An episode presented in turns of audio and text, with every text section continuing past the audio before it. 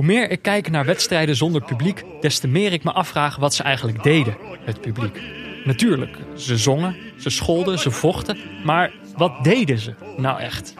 Zouden deze wedstrijden werkelijk anders zijn als ze erbij waren? Is achterstaan, of het nou met 0-3 is of 0-13, iets anders wanneer je weet dat er niemand naar je kijkt? Is het moeilijker om achter een bal aan te gaan zonder hulp van boven? Ergens in de nok van het stadion iemand die roept dat het wel uitmaakt wat je doet. Dat het wel zin heeft om achter die bal aan te gaan. Misschien is het vlak na een wedstrijd niet het beste moment om zoiets aan een speler te vragen. Ik heb zoiets nog nooit meegemaakt, zei VVV-aanvoerder Arjan Swinkels. Dan heb je er eigenlijk nog geen woorden voor. Goed gedaan door Haaland. Krijgt hem nu terug. Daar is Haaland. En het is 2-0. Natuurlijk is het dan 2-0. Wat maakt hij het fantastisch af. En wat zet hij zelf die goal goed op. Ja, Jordi? Ja, Peter. Uh, hoe is het? Ja, een beetje in, uh, in afwachting. Weer spannend. Een beetje uh, gedurende... Wij je... treffen jou op een spannend moment. Op een spannend moment inderdaad. Vertel. En ik zal jou toelichten waarom. Omdat het een, een... Gedurende je leven maak je af en toe zo'n uitstapje... dat je dan toch een beetje tegen het professionele voetbalbestaan aanhikt. Oh, heb ik, nee, heb ik geen last van gehad. Nee, helemaal niet? Nee, nee. Als je bijvoorbeeld matchday deelt op social media, dan heb je toch een bepaalde verbindenis Ah, met de spelers. Dat zijn allemaal van die zaakjes dat je er even tegenaan zit. Voor mij was dat vandaag helaas een, eh, een, een MRI-scan aan mijn knie. Oh, En wat ik heel erg vervelend vond, want het is niet de eerste MRI-scan die ik heb gehad. Eh, wat, wat een zeer aangename. dus eh, dat moet je in zo'n eh, zo'n zo'n witte turbine, word je dan ja, zo- jij beeldt het nu uit, maar dat zien de mensen natuurlijk niet. Maar dat doe je, dat doe je heel goed Ah, na. dit, dit doe ik al honderd afleveringen. Heel veel gebaren maken die mensen niet kunnen zien. Ik dacht dat je voormalig bobslayer was. Dat je steeds die houding gewoon uit automatisme aannam. Ja, dat Nee, maar het was dus... eh, Heel langzaam bobsleeën. en dat ze dan je gaan scannen. Dat is het eigenlijk. nou, de eerste keer wel. En dan vragen ze ook altijd, wil je een muziekje op? Want zo'n MRI maakt heel Mhm. veel lawaai. Maar dat, En? Ja, ja. Ben je een Je- muziekjesman? Ja, wel. Ik kies wel voor muziek. Maar dan denk ik ook twee te laat. Waarom bied je het aan? Want ik versta het nog steeds niet. maar eerst, de, de- een jaar of tien geleden moest ik helemaal erin. En dan is het toch eh, ja, een beetje claustrofobisch. Ik hou er niet van. Zit je maar een kwartier lang met je gedachten. Mhm. Maar vandaag bleef ik er met bovenlichaam buiten. Dus dat was een voordeel. Maar die man zei nog steeds van... Oh, we gaan even een kwartiertje, dat eh komt wel goed. Oké. Dus dan ga je toch liedjes stellen. Of een beetje, een beetje, een beetje naar het plafond staren. Mhm. Denken waarvoor je het allemaal doet in het leven. En het duurt en het duurt. En ik- nou, ik werd op een gegeven moment toch wel een beetje... Ik dacht van, zijn ze me vergeten? Dus toen kwam die man op een gegeven moment binnen. Ik zeg, hij zei, ja, alles goed gegaan? Nee, ik zeg, nou, ik wil toch graag... Dit was toch geen 15 minuten? Of ben ik helemaal gek geworden? Hij zei, nee, moesten nog even via de andere kant. En je had, omdat je voor mij eerder zo'n operatie had gehad, zat er wat metaal in, moesten we een beetje omwij. Dus was ja, een half uurtje, 45 minuten, of eh, een half uurtje, 40 minuten. Zeg dat dan van tevoren, dan Ja. weet je waar je op instelt. Ja, of liever Ik- gewoon zeggen dat het drie kwartier duurt. En dat het dan een kwartiertje duurt. Dat Ja, is altijd precies. beter. Overcellen, ja, precies. Ik, ik vond het eh, ik, ik, een vervelende ervaring nogmaals. Maar het spannende moment is dat je de uitslag nog niet hebt, neem ik aan. Eh, nee, ze hebben wel al een beetje ernaar gekeken. Een beetje. en ik verwacht niet veel goeds. Oeh. Nee, ja. Dat, dat, dat- Want je hebt er ook veel last van, is dat het? Of, Nou, vrij recent veel last van gekregen. De af, ik, ik heb natuurlijk eh, negen jaar eh, met de vorige operatie kunnen doen. Dus daar was ik ontzettend content mee. En Mhm. ik geloof dat de arts, de orthopeed en, en de man van de MRI dat ook wel proefde. Van, oh, hij, weet je, het is niet een ramp voor de jongen.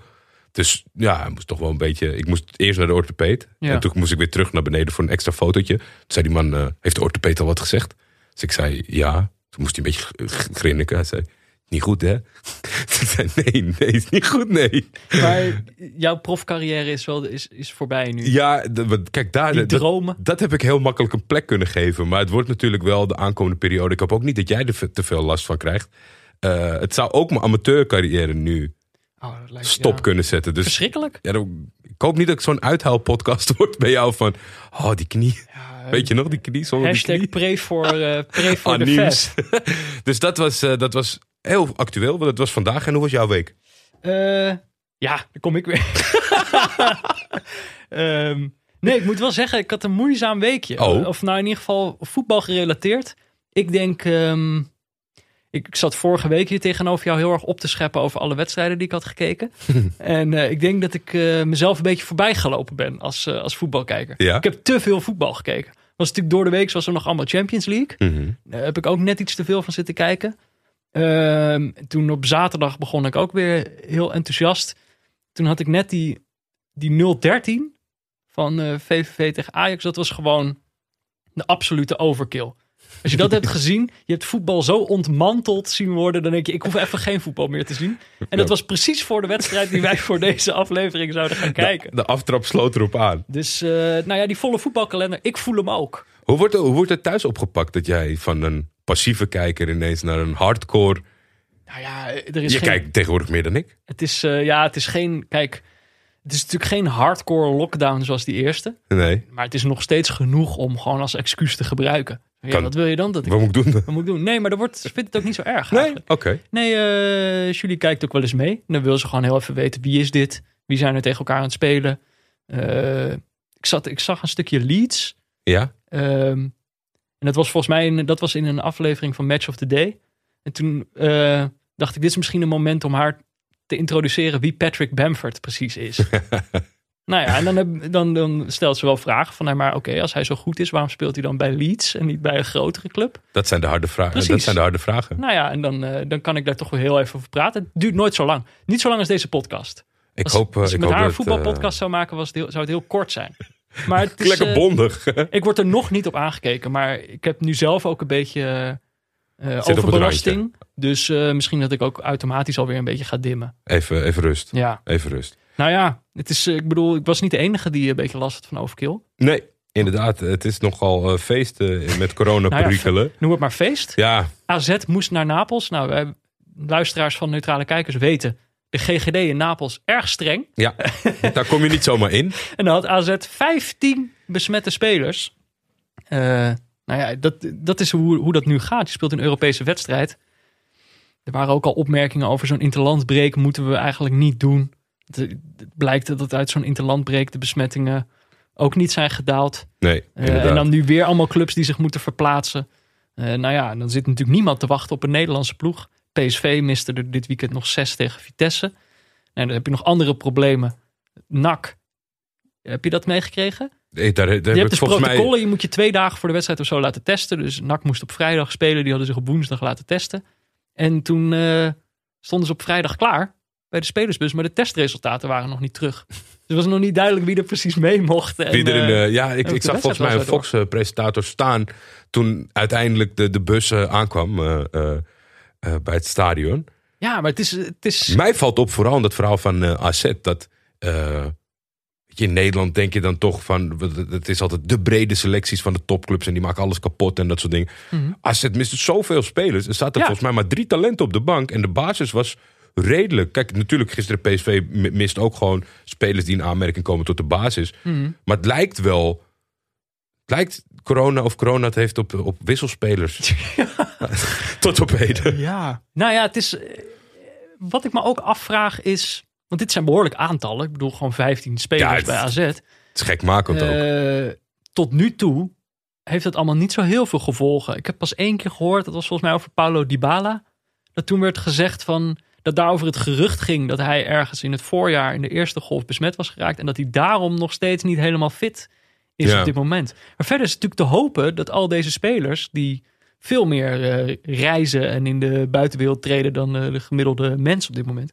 Dat die niet blijvende gevolgen hiervan De ondervinden. klachten vrij zijn. Ja, volgens Ja. mij, de- vandaag keerde er iemand terug op het trainingsveld eh, na maanden bij Willem II. Ik ben even die jongens, die jongens zijn naam kwijt. Dat zag ik vanochtend.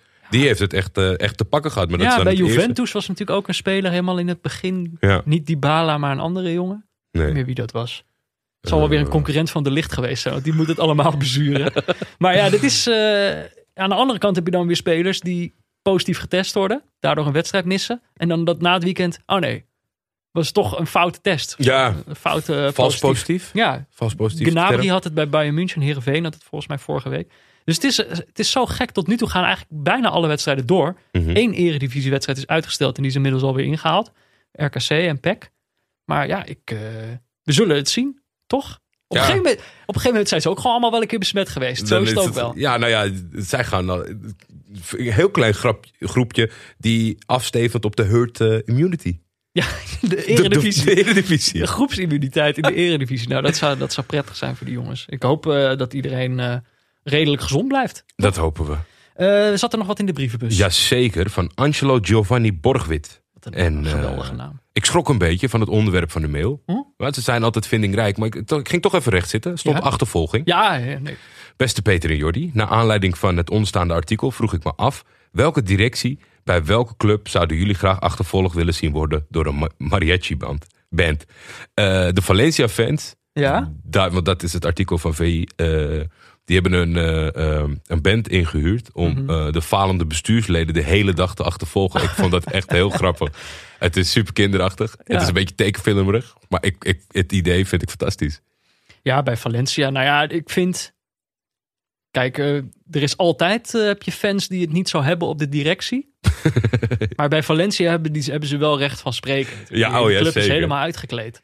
Maar dat vind ik dan nog in het, in het landschap. Maar een mariachi band? De hele dag? nee, maar dat, ja, juist. Heel leuk. Voetbalsupporters, dat zullen we het ook zeker later nog hebben. Altijd eh, boos, eh, agressief en, en, en met Ja, de vuist op tafel. Dit is ludiek. Dit is ludiek. Hm. En schijt irritant als het zo overkomt. Dus ik denk, Nederlandse variant zou denk ik een draaiorgel zijn. welke, toch? Bij welke bestuur? Of welke, welke? Eh, Paris Saint-Germain? ja? Ja. Maar ja, die trekken zich daar dan weer niks van aan. Maar dat is, dat, ik bedoel, dat is de, de big evil. Die kopen een, een grote box om die draaiorgel omver te blazen. Ja, ik weet het niet. Eh, ik, ik vond het in ieder geval leuk. Ik vond het in ieder geval leuk.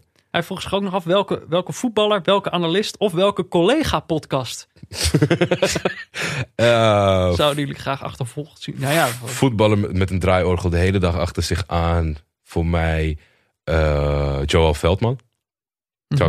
eh, Oké. Analist. Poeh, dat vind ik moeilijk. Ik denk... eh, nou, Valentijn Driessen. ja? Ja. Het is toch op den duur is het heel irritant. En ik denk dat we dat wel gewoon eh, met z'n allen... Ik merk dat ik dan meteen als ik na te denken van wie zou daar leuk mee om kunnen gaan. Oeh, dan moeten we, dan moeten we hem naar meteen, Volendam eh, sturen. Kees Kwakman. Ja, Kees Kwak. Die zorgt er misschien voor dat die draaiorgelman weggaat. Ja. Eh, collega-podcasten, dat vind ik heel moeilijk. Zou jij die willen invullen? Of laat je daar liever niet over uit? Er zijn niet zoveel podcasts. Dus het is heel lastig eigenlijk. Ik vind de Eh, Rode Lantaarn mag van mij wel achtervolgd worden door een eh, draaiorgel. Maar ik denk Ja. ook omdat die er wel goed mee om kunnen gaan. Ja. Tussen Tim en Willem in. Ja, Ja. Jonne, Jonne blij- blijft gespaard. Ja, die hebben ze gehoor nog nodig voor de montage. Dat is waar, dat is waar. Zullen we het eh, gaan hebben over de wedstrijd? Zeker. Oké, ehm, want we hebben weer een wedstrijd gekeken deze week. Een throwback. eh Eh, dit is zeker een neutrale kijkers throwback editie. Zo.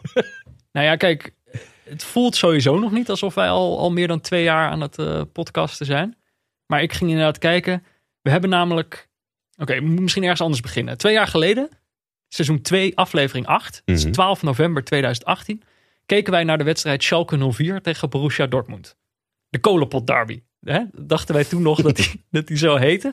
En pas la- later bleek dat eigenlijk een benaming te zijn die, eh, die ze in Duitsland eh, in ieder geval nog nooit gehoord hebben. Meerdere Duitsers eh, zijn hiernaar gevraagd. Hebben het allemaal niet gehoord.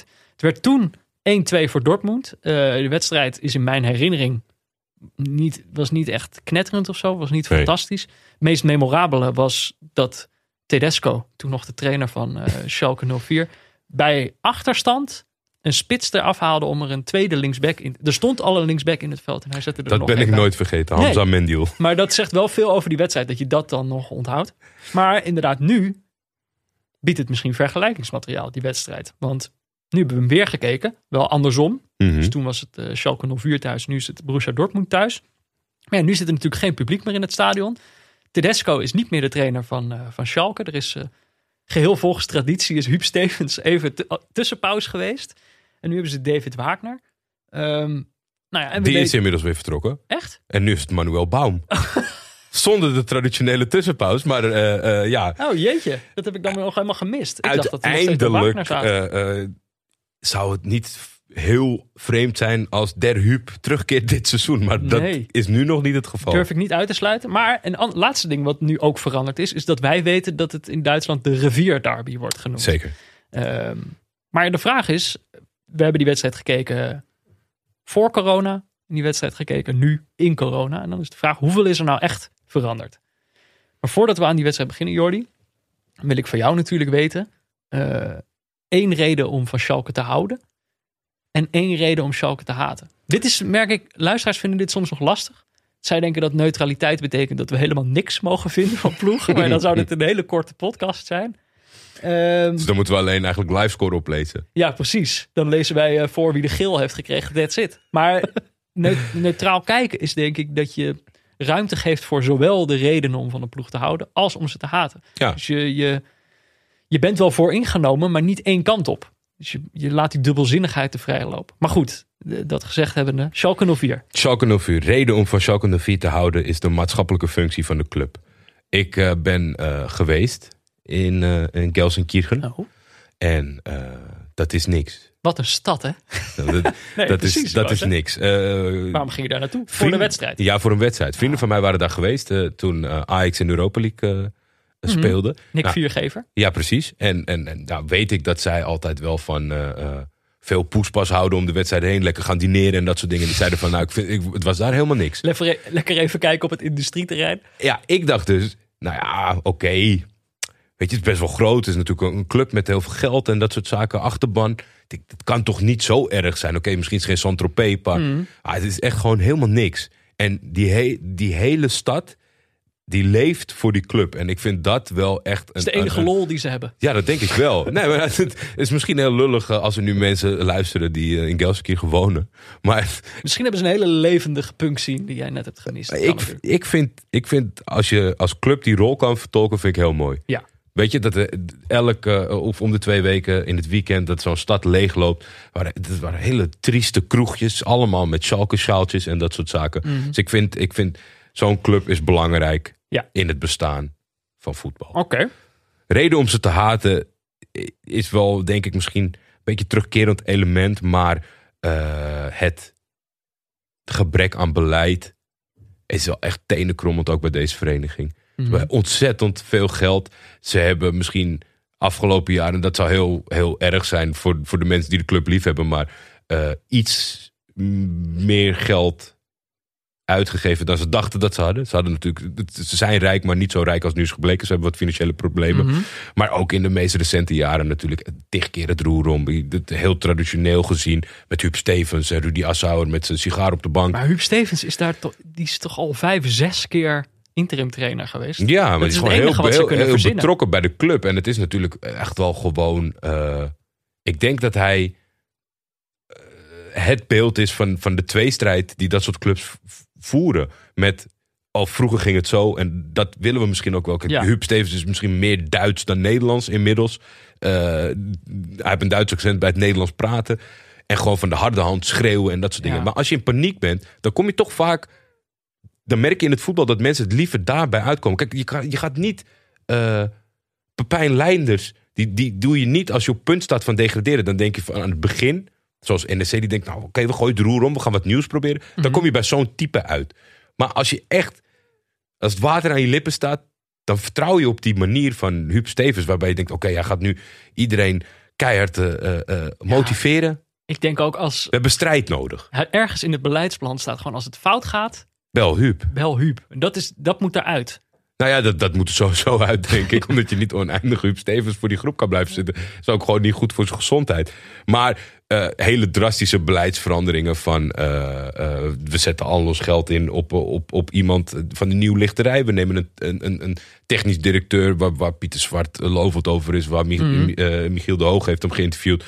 En dat houdt dan weer geen stand, omdat het ook... Dat vind ik altijd... Dat er wordt veel te veel verwacht van die club. Weet je, als ze geen kampioen worden, hebben ze het slecht gedaan. Maar zo groot zijn ze niet. En Nee. dat, dat zit clubs altijd in de weg, die identiteitsproblemen. Dus het, het, het gebrek aan beleid is gewoon pijnlijk. Is een terugkerend punt bij ons. Terugkerend Dus als je in een slecht boekje bij de neutrale kijkers wil komen, is het toch slecht beleid. Ja, Maar beleid moet ook weer niet, zo, moet ook niet te goed zijn. Er is, een, er, is een, er is een fine line. heel dun lijntje. en laat eens horen wat jij van die verschrikkelijke gele wand vindt. Ja, eh, Dortmund. Dortmund. Eh, die gele wand is natuurlijk leeg. Die was ook deze wedstrijd leeg. Dus daar Lekker. Kan ik, eh, daar kan ik niks over zeggen. Ehm, ik denk wat, wat heel leuk is, reden om van Dortmund te houden, is dat eigenlijk dat wel de plek geworden is in het Europese topvoetbal. Eén van de plekken, maar misschien toch wel de plek. Als je iets nieuws wil zien. Waar zit, waar zit nou de, de sterren van de toekomst? Waar lopen die rond? En dat, Ja. ik bedoel, dat kun je nu zeggen omdat Sancho en Haaland daar lopen. Maar er hebben wel meer sterren daar rondgelopen. Dus eigenlijk al begonnen bij Klopp, werd dat een soort club van daar is altijd iets nieuws aan de gang. Ik heb ook het gevoel dat eh, die hele manier van spelen van Klopp, die nu door meer ploegen wordt gebruikt, die gegenpressing, dat is daar een beetje geboren. Pieter Zwart zal het ongetwijfeld helemaal kapot kunnen checken. Nou ja, er, er, is, Maar- er is een heel klein factortje waar het zaadje ooit mee is begonnen. En dat kan je je bijna niet voorstellen als je daarna eh, zijn voetbal hebt gezien. Bert van Marwijk heeft een belangrijke rol in de wederopstarting van Dortmund Van gespeeld. Dortmund, ja, ja, ja. Ja, maar inderdaad, zijn manier van spelen is, daar, is, is niet overgebleven. Dat was niet gegenpressing. Nee, hij heeft maar nu, zeg maar, wat hij heeft heropgezet, is wel een, een, club waar je, waar je terecht kan als je iets nieuws wil zien. En nu ook weer, spelers voelen dat ook. Sancho is natuurlijk een voorbeeld van iemand die het Engelse voetbal verlaten heeft, omdat hij dacht, daar Ja. kan ik tenminste een kans krijgen. En dat doen ze gewoon bij die club. Jij liet net het woordje nieuwlichterij vallen. Eh, ik weet niet of dat eh, nou heel erg in het beleid zit, maar ze geven daar wel kansen aan jonge spelers. Ja. Keer op keer. Eh, Bellingham is natuurlijk ook weer een eh, Engelse Nieuwe. jeugdspeler. Ja, die weten gewoon, eh, in, in Engeland ga je die kansen niet krijgen. En eh, bij Dortmund wel. En dat is denk ik echt de reden om van ze te houden. Want ik heb daar toch altijd wel een zwak voor. Clubs die jonge spelers. Nu wordt dan ook weer een soort, wat is het, een f- een 14, 15-jarige jongen wordt alweer helemaal gehyped. Mukoko, Ja, ja. Mukoko heet Ja, ja, ja, zeker. Hij is aan het wachten tot hij speelgerechtig is. En Ja. dat zullen we hem zeker binnenkort gaan 16 zien. Hij moet 16 Nou ja, worden. maar dit, dit is wat ik bedoel. Er zit, er zit altijd weer de nieuwe. nieuwe Ja, en ze zijn de fase voorbij dat het een incident is, zeg maar. Kijk, je Ja. kan soms een goede lichting hebben of goede transfers hebben gedaan. Maar dat is nu een ja, al terug, tien jaar zo. terugkerend fenomeen. Dus dat is, eh, eh, snap ik. Sluit Dan een reden aan. om ze te haten. Heel Is eigenlijk, is eigenlijk hetzelfde. Is de keerzijde van de medaille. Nou, Is dat er al elke keer weer iets nieuws is. En daarmee snijden ze zichzelf natuurlijk lelijk eh, in de vingers. Volgens mij hebben ze dit probleem bij de club zelf ook al gesignaleerd. Eh, ze worden gewoon altijd tweede achter Bayern München. En ze zijn ook nooit in staat om echt de strijd aan te gaan met die club. Omdat iedere keer ze hun, zeg maar, die nieuwe spelers weer laten gaan. ja. Eh, op, zeg maar, vlak voordat ze eigenlijk... nou ja, ze zijn niet allemaal geslaagd, die spelers. Ousmane De- Dembele is er eentje van. Die is natuurlijk niet helemaal goed terechtgekomen bij Barcelona. Maar voordat die spelers echt fu- furoren kunnen gaan maken bij zo'n club... zijn ze vaak alweer vertrokken.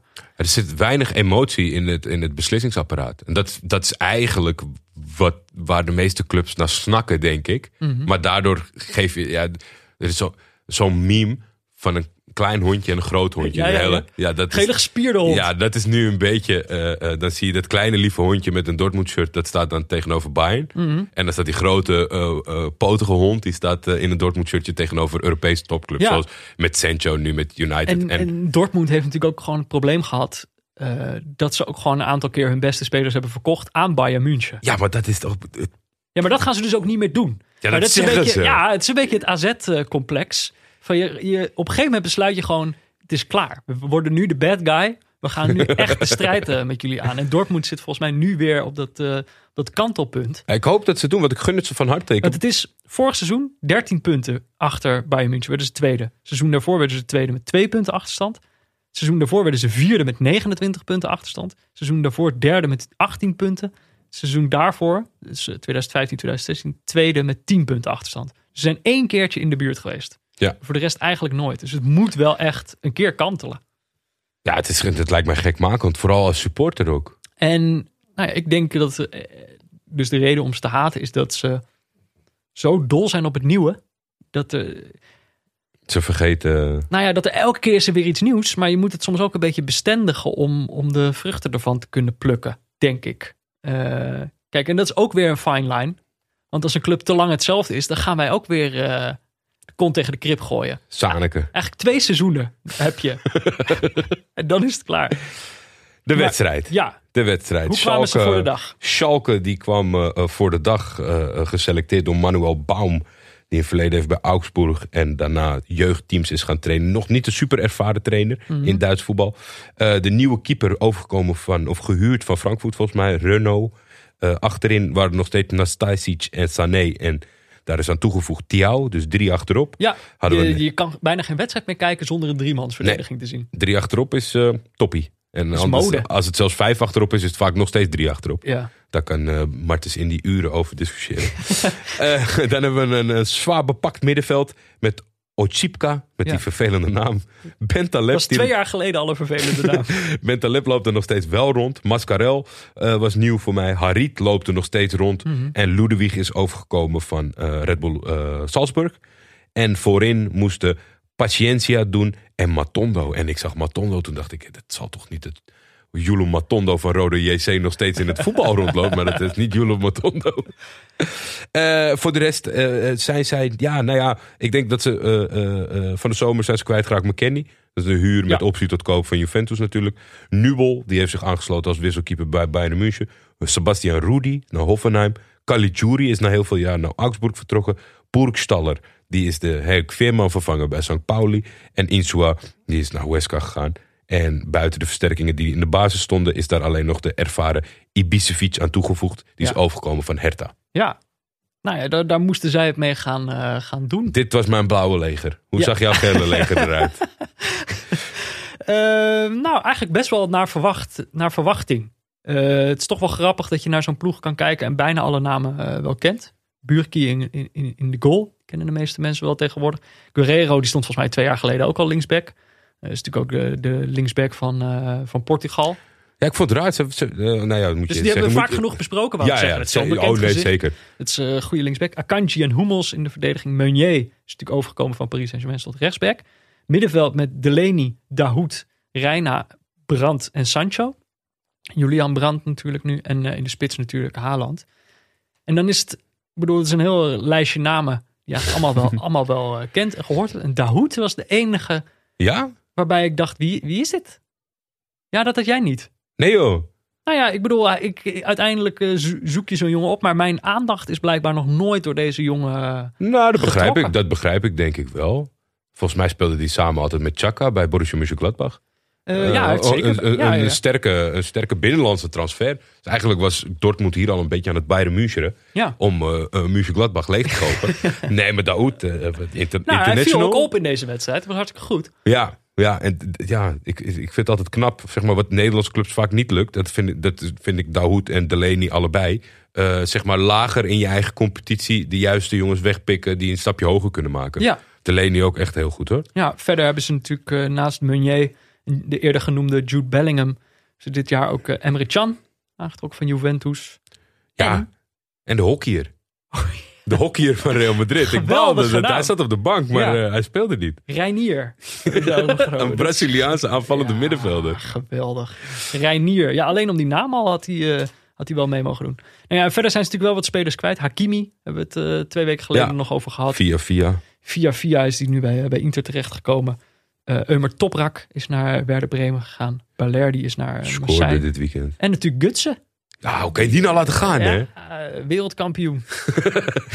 Wat, is hij wereldkampioen geweest? Ja, die speelt nu eh, bij PSV.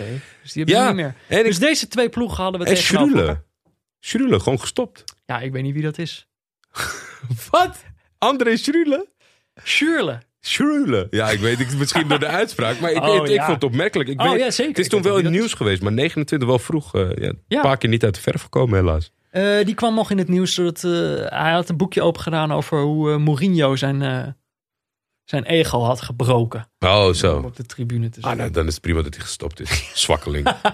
Verder nog de corona-checklist. Er was publiek. Ja. Het was geen gelbe band. Nee, Het waren 300 zeer beleefde pixels. hele degelijke Duitsers. Hè? Ja. Heel degelijk. Die Dat- ge- gedroegen zich uitstekend. Lieten zich ook niet horen. 300 man. Ja, daar moet je het dan mee doen. Ja. Eh, nou ja, maar ik zei het net al. Deze wedstrijd begon direct. De 013 van VVV Ajax was net, eh, Ja. net afgelopen. En jij zei eh, op Twitter, zei hij, nou, als iemand er nog geen genoeg van heeft, van dit soort afslachtingen, nu gaat Dortmund-Schalke beginnen. Dat was de manier waarop wij deze wedstrijd ingingen. Dat was oprecht mijn gedachte, inderdaad. toen wij moesten losbarsten. En ik, ik had natuurlijk niet verwacht dat het 13-0 zou worden voor Dortmund. Maar in de wetenschap wat we tot op heden hadden gezien. Nou, Dortmund natuurlijk wel een slechte wedstrijd gespeeld in Italië. Maar Mhm. dat doen ze traditie, traditiegetrouw, geloof ik. Dus Ja. dat zijn niet zoveel. Verloren Maar. Schalke die had in, eh, in, in geen 100 jaar al meer gewonnen. En die waren gewoon echt heel slecht. Nou ja, 100 jaar. eh 17 januari was de laatste winst. Ah, Oké, nou ja, dat is geen 100 jaar. Maar het is wel het heel lang. is wel echt heel lang geleden voor een, een club met Want zij hebben het ambitie. seizoen wel afgemaakt, hè? Ja, dus er zeker. zaten allemaal wedstrijden tussen. Ja, en dat ging ook slecht. En met mensen die struikelden en, en redelijke hoge uitslagen. Ja. Het, het, het, het zat gewoon... Ze Maar- zijn natuurlijk geslacht door Bayern. Ja. Echt op de, op de VVV-manier. Mhm. Nou, ik dacht, ze zijn rivalen.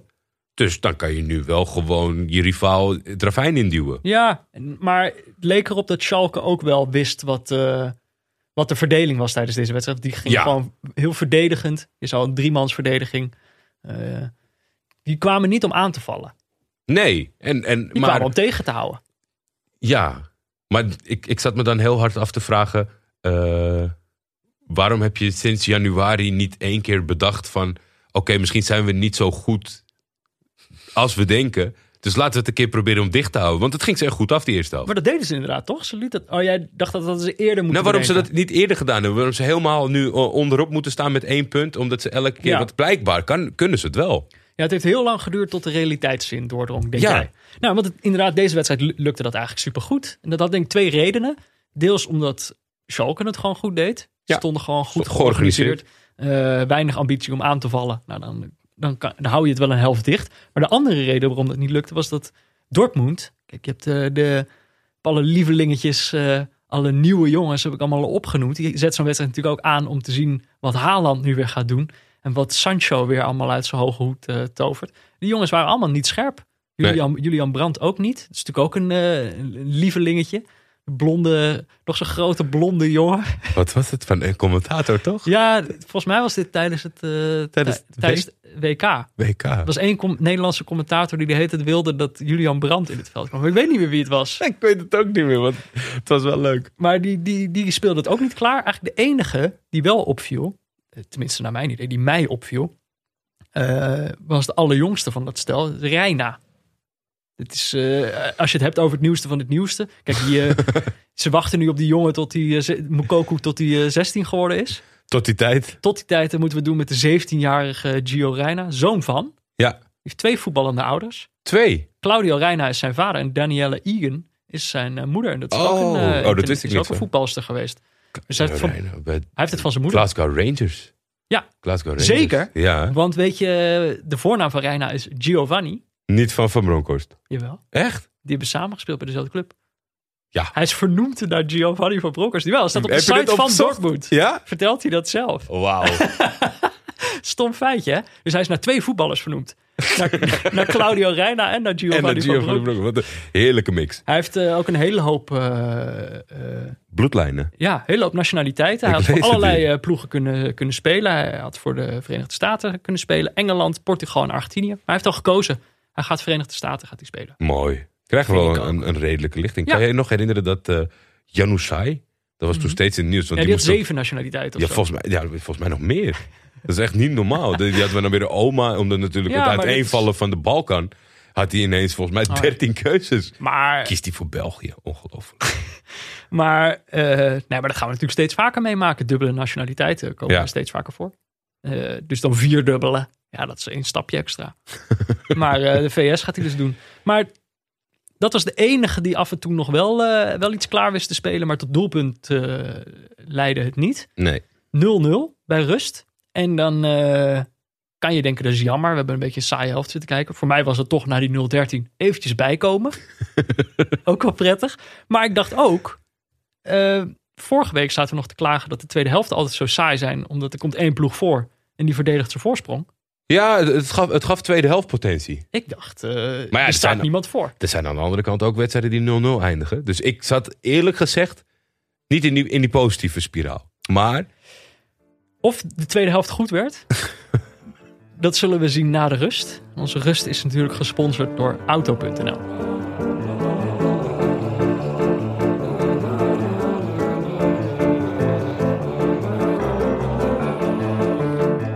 Ja, ook deze aflevering van Neutrale Kijkers wordt natuurlijk weer mede mogelijk gemaakt door Auto.nl. Eh, de website van Auto.nl, dat is www.auto.nl. Daar garanderen ze nooit meer een miskoop. zijn uitspraken. Kijk, eh, de transfermarkt mag dan bijna overal gesloten zijn. Maar dat weerhoudt ploegen er niet van om miskopen te doen. En soms duurt het ook even tot iemand een miskoop wordt. Oeh, we hebben hier een brug te maken. Ja, ja, ja.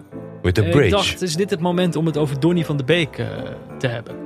Want ik heb het idee dat je, als je nu naar Donny de Be- van de Beek kijkt, dat je ziet hoe een miskoop een miskoop wordt. Het is niet je koopt te spelen en hij is meteen een miskoop. Dus wat er gebeurt is, er ontstaat langzaamaan, komt er een narratief rondom Ja. de speler. Dus hij is gehaald. In het begin is het dan nog van, oké, gaat hij het doen, gaat hij het doen? Nou, hij valt een paar keer in, assist gegeven, gescoord. Ging eigenlijk prima. Nu zit hij dan een paar wedstrijden op de bank. Er mag natuurlijk vaker worden gewisseld. Dan blijft hij toch op de bank zitten. Zelfs als Manchester United heel slecht speelt, valt hij niet in. En dan hoor je langzaam, daar komt het narratief van... eh, wat doet hij daar eigenlijk? Ja, ik heb, ik heb de teksten voorbij zien Het komen. zijn maar een paar speelrondes ver, hè? Aan, de- aan de andere kant kan je deze ook zo inzien dat het prettig is dat eh, de auto's van Auto.nl niet zelf een zegje hebben. Want je zou het ook om kunnen draaien dat in dit geval Donny van der Beek als auto zijnde ook de verkeerde keuze heeft gemaakt. Ja, miskoop heeft twee kanten, bedoel je? Zeker, eigenlijk? Ja, ja, ja, ja. zeker. Want ik vind nu, wat er nu gebeurt, eh, ja.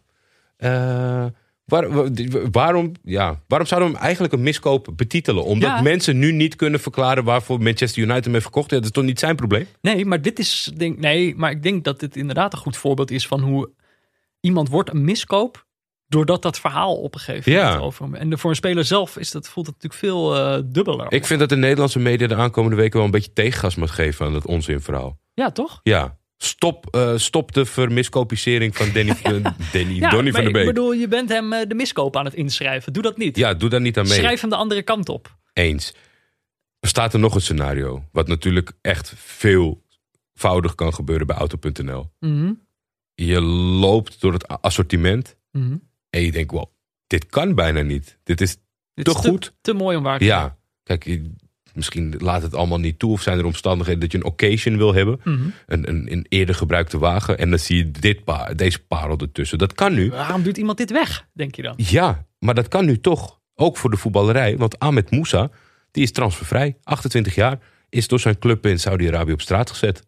Is er ook duidelijk waarom? Eh, nee. Kijk, dat is wel, dat is natuurlijk altijd een. eh, Maar daar duikt Auto.nl dan in om te voorkomen dat het een miskoop wordt. precies, die checken hem dan nog wel. Maar dat is wel. eh, de, de, de kansen liggen open. Iemand kan dus Ahmed Moussa nog aantrekken. Bijvoorbeeld. VVV. Je weet het niet. Dat hij terugkeert om de club bij de hand te nemen. Ja, dat zou geweldig zijn. Ehm, maar ja, als je zo'n situatie wil voorkomen, zoals bijvoorbeeld met Donny van der Beek, ik weet het nog niet, met Ahmed Moussa, dan moet je natuurlijk bij auto.nl zijn. Daar heb je geen miskopen. Zijn er niet. En eh, als je dan toch naar auto.nl gaat, ga dan naar auto.nl slash neutrale kijkers. Want dan, dan, dan hebben zij ook het idee dat ze er iets aan hebben dat ze in deze podcast zitten. Er staat volgens mij een hele gekke nieuwe emoji als je op, de, op, op Oh. ons tabblaadje kijkt. Ik zou eens een keer gaan ik, kijken. mag ik live kijken? Niet verklappen. Oh, die is wel heel raar.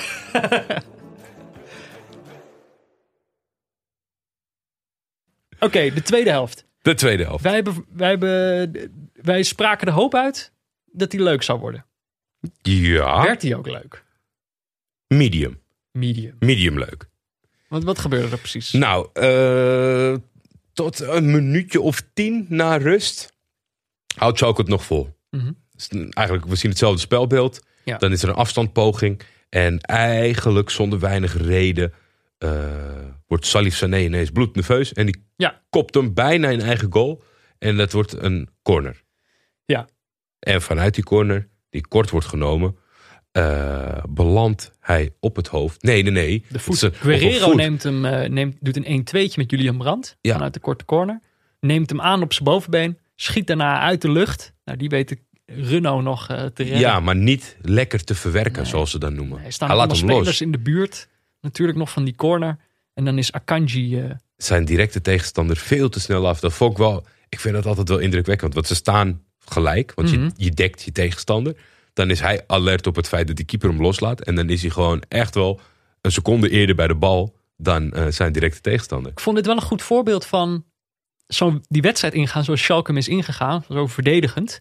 Ehm, dat wordt soms gezien als de makkelijke optie. Dan zeggen mensen wel eens van ja, je gaat gewoon het verdedigen. Hangen. Maar hier werd echt zo duidelijk dat je tegen zo'n ploeg als Dortmund één moment, zoals die Salif Sané, Sané die eventjes paniek heeft en die bal bijna in zijn eigen goal kopt, kan genoeg zijn om even die concentratie te breken. Ja, en is- meteen wordt er geprofiteerd. Dat is natuurlijk een soort van gekmakend. Want ja, oké, jij kopt hem de verkeerde kant op. Het- Je geeft een corner weg. Zo'n ramp zou dat niet moeten zijn. Maar Nee. uiteindelijk eh, die is hiermee de hij liep wel echt weg. Je zag aan, dat, hoe die, aan hoe hij nog een tijdje doorliep dat hij wel echt dacht: God, hij was rot geschrokken dat hij bijna een eigen goal eh, kopte. Ja, maar hiermee was wel de ban gebroken. Ja. En zes minuten later is het eh Heuland. Die toch een, een, een...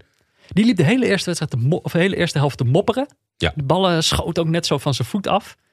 Eh, gewoon een beetje zoals Ronaldo dat ook kan. Gewoon echt heel opzichtig balen. Je kan dat nu ook allemaal horen in zo'n stadion. Ja, ja, de zeker. tijd schreeuwen.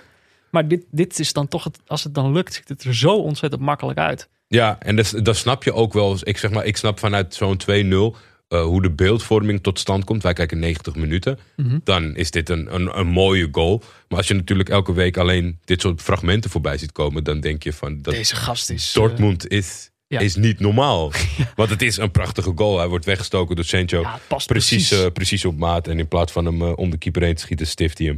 En maakt hij zijn vijfde van het seizoen. Ja, ja die, eh, die hadden dus opeens wel de smaak te pakken. Dit was eh, in, eh, in vijf minuten staat het dan opeens eh 2-0.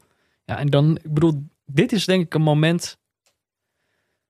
Wat, wat moet Schalke nou doen? We hebben dit volgens mij hebben we het eerder over gehad. Als je verdedigend begint, hoe draai je dat dan om? Ja, dat, ik, ik heb dat Nu is de wedstrijd gewoon klaar. dusdanig weinig eh, eh, zien gebeuren dat ik denk vaak dat het niet kan. Dat is niet dat, dat, een verplichting voor alle teams om gewoon maar aanvallend te beginnen. Maar als je echt een defensieve instelling hebt en je moet die wijzigen gedurende een wedstrijd, ja, moet je echt van goede huis komen, wil dat nog lukken. Ja. En natuurlijk hier hang je al tegen het kwaliteitsverschil aan. Dus dat is eigenlijk gewoon mission impossible. Alleen bij mij kwamen toen de beelden omhoog van de draadjes die ik voorbij had zien komen. eh, van de ultras, van Schalke. Mhm. Want kijk, Die hebben zich al de hele week misdragen. die- ja, mediums hebben ze volgens mij na de vorige duel eh, hebben ze ze op het matje geroepen. Mhm. Dat doen supporters soms. En eh, gezegd van nou, eh, wij zijn ook niet gek. U mag best wel verliezen van Dortmund, maar het gaat erom hoe.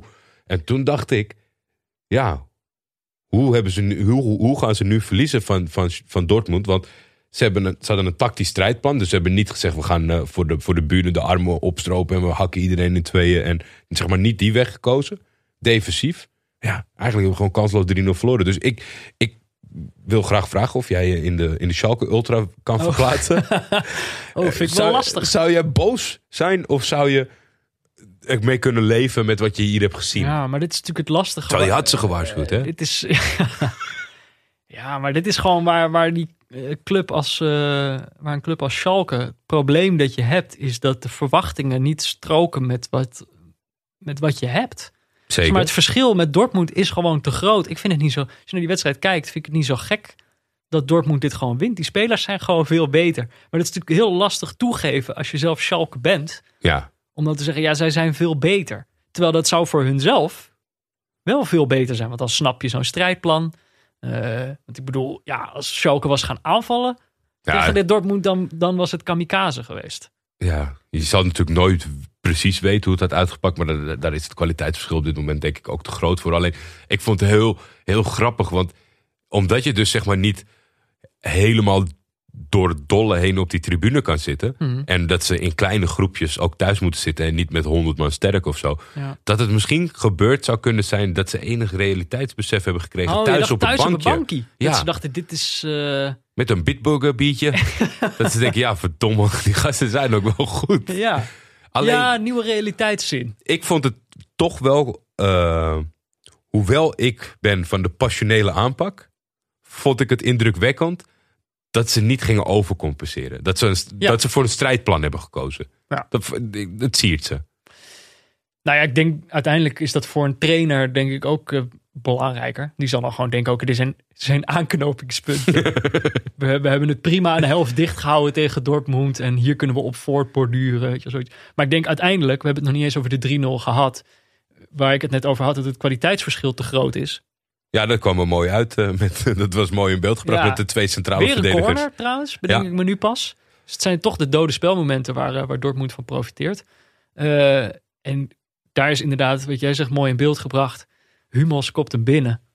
En hij staat tegenover, eh, ik weet Nastasic. Nastasic. En opeens zie je het verschil tussen die twee verdedigers. Het lijkt alsof Hummels gewoon twee keer zo groot is als die gast. Ja, terwijl dat niet het geval is. Alleen hij is eh, twee keer zo atletisch en springt dus eh, ver boven hem uit. Ja, Hij kopt hem strak binnen. en dan ziet het er ook zo simpel uit. Dan denk je, hoezo verdedigt niemand die man? Terwijl, ja, als je er tegenover staat, is er niks tegen te doen waarschijnlijk.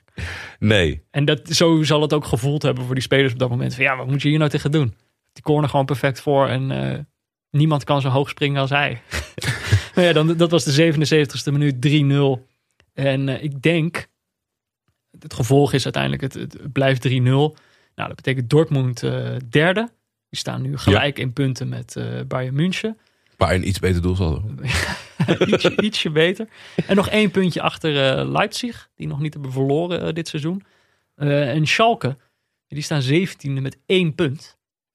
Ze zijn dus een grotere club dan die andere drie bij elkaar in hun eigen perspectief. Maar ja, Ja, nou ja, dat is. eh, het is zo'n seizoen. Het op kan een keer tegen zitten. Op de ranglijst eh, is, dat, is dat niet echt te zien. Want dit was wedstrijd vijf al, denk ik. Of zes misschien wel. Eh, vijf. Vijf al. Want Haaland ja. heeft vijf goals in vijf wedstrijden gemaakt. Ik vond het best wel hoop. Ik heb af en toe Schalke voorbij zien komen. Hm. En dan was het echt heel slecht. En dan ook tegen matige tegenstanders. En dan zijn we nu heel vroeg. Maar het begint vaak met... Ah, die kunnen niet degraderen. Het is veel te grote club. En dat Ja. soort dingen. Ik vond het heel zorgwekkend wat ik had gezien. En ik dacht nu, een stukje realisme erbij. Ja. Die speelt niet elke week tegen Dortmund, gelukkig voor ze. Die gaan niet degraderen. Nee, Maar durft hem te callen. Ze zijn wel slecht. Oké.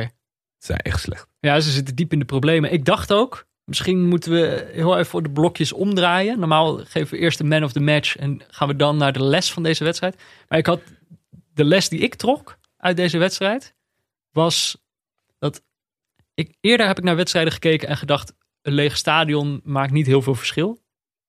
Eh, bijvoorbeeld Inter Ja. tegen eh, de, de Milanese derby die we hebben gekeken. Daar maakte dat niet zoveel verschil. Omdat die ploegen gewoon qua kwaliteit best wel dicht bij elkaar zaten. Dus dan blijft zo'n wedstrijd spannend. Terwijl op het moment dat Schalke doorheeft dat ze niks tegen Dortmund kunnen doen. Of dat Dortmund beter is. Ja, dan heb je volgens mij wel dat publiek nodig. Dat het Ja. publiek dan gaat roepen van eh, gaan, gaan, gaan. En dan ga je misschien net dingen doen die je met je verstand niet zou doen. Ja, Eh, hoezo? Je laat je Hoe ze eigenlijk- schreeuwen. Want volgens mij hebben wij daarvoor, toen die wedstrijd gekozen, dat heenduel, was met Peter Bos nog, speelden ze 4-4. Ja. Het stond Dortmund vet voor. En dan is het toch kolken en motivatie, adrenaline. Die wat, nou, ik, ik, ik denk dat ik het daarmee eens ben. Als, Ja. als het wedstrijdniveau eh, dusdanig interessant is, heb je die afleiding niet nodig. Maar als, het- als het krachtverschil te groot is. dan, dan heb je toch dat publiek nodig, Ja. denk ik. Dan hebben ze die ultra's toch eh, nodig. Terwijl eerder dacht ik, misschien valt het wel mee. Heb je dat publiek niet zo nodig? Nu dacht ik, als het kwaliteitsverschil groot is, dan mis je het publiek het meest. Nou, dan hoeven we alleen nog de man of the match eh, toe te kennen. We hebben besloten om een Oeuvreprijs uit te reiken. Ja, en ook maar weer een keer een speler te doen. We hebben een keer een commentator de prijs gegeven. Spelers die niet eens meededen. En nu toch, jij wilde een Oeuvreprijs uitreiken. Voor Mats Hummels. Ja. Ja. Niet per se omdat hij deze wedstrijd, nou, was natuurlijk een mooi goal. Ja, mooi goal en goed gespeeld. Maar het is ook, eh, ja, hij is 31. Je hebt hem even in het zonnetje zetten. Voor het idee gaat hij natuurlijk al eeuwen mee. Ja. En eh, eh, ja, vrij stabiel in de kwaliteit. En ja, Dortmund-speler. Echte Dortmund-speler. Puur zang, Puur zang. eigenlijk zeggen. Nou, dat is dan onze man of the match. De smaakmaker van het nieuwe normaal. Oké, dan zijn we alweer toe aan een minuutje diepteanalyse, Heerlijk. Jordi.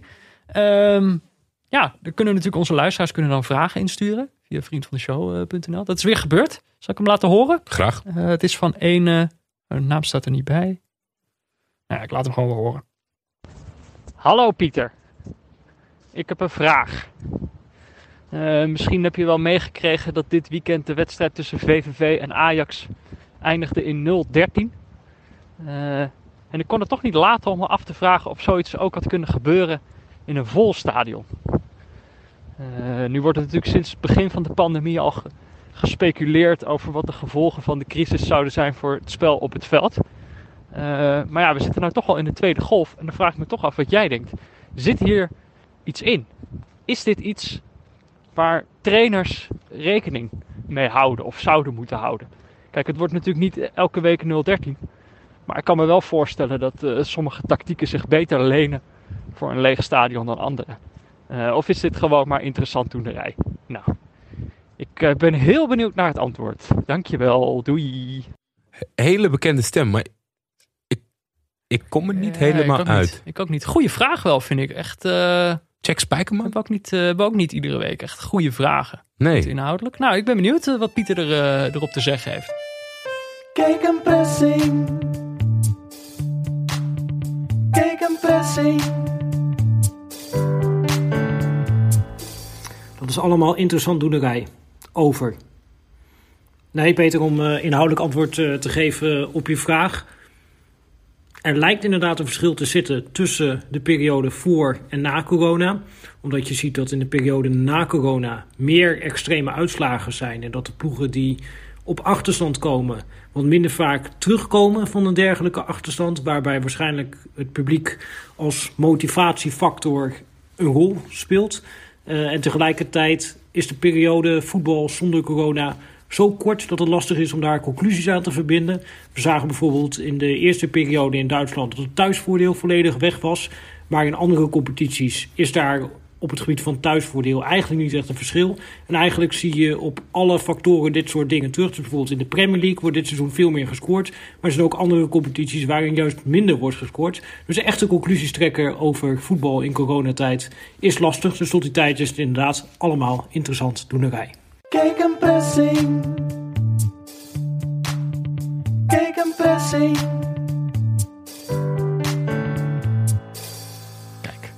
Dat kan je wel aan Pieter overlaten.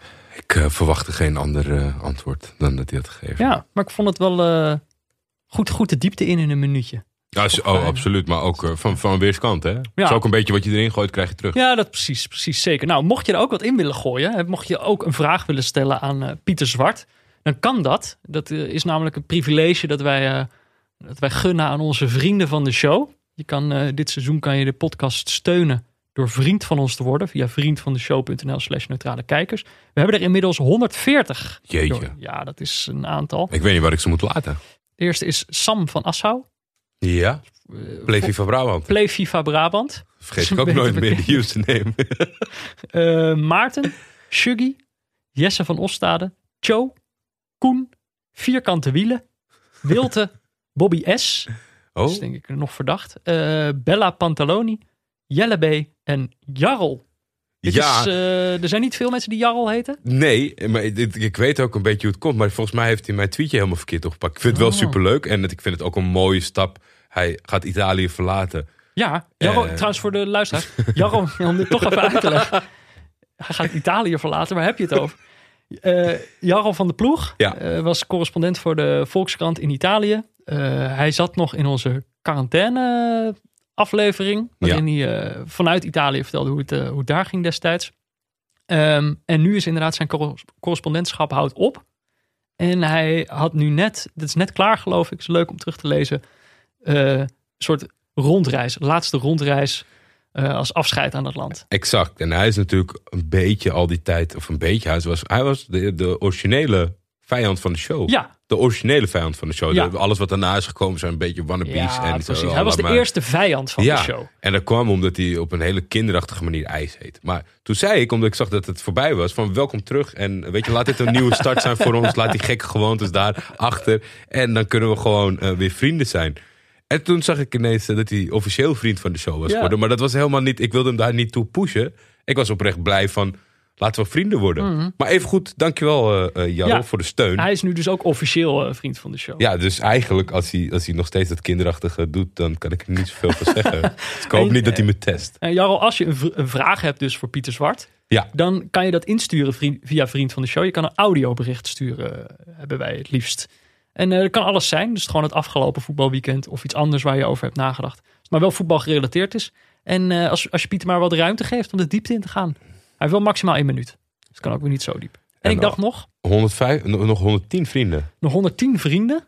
Eh, want ik dacht misschien moeten we een doel stellen. En dan nemen we een tatoeage. Met alle namen van de... Nee, eh, een soort doel stellen, dat kan... Vriend van de show zit het volgens mij niet officieel, maar bijvoorbeeld bij Patreon zie je dat wel. Dan heb je zo van die doelen van als we 250 eh, Patreons hebben, dan gaan we dit doen. Ja. Dacht ik, misschien moeten wij zeggen als we 250 vrienden van de show hebben, dat we dan eh, samen voetbalmanager gaan spelen op Twitch. Dat mensen naar een livestream kunnen kijken. Ja, en we moeten nog even, misschien even kijken hoe we dat invullen. Misschien, ik weet niet of we tegen elkaar moeten spelen, want dat du- duurt dan allemaal heel lang. Maar misschien eh dat ik jouw assistentenmanager ben. ja, zo. Dat we samen een, eh, een club naar succes eh, proberen te leiden. Maar we komen hier nog wel uit. Misschien, We komen hier we hebben nog wel even tot we op 250 vrienden Ik, zitten. ik hoop het niet, eerlijk gezegd. Je hoopt dat het sneller gaat. Ja, percentagegewijs is het natuurlijk nog steeds een schande. Maar eh, dat, dat even daar gelaten. Nee, ja, ik, het is zin om te, ja, het is zin om te twitchen Ja. met jou. En 250 vrienden erbij.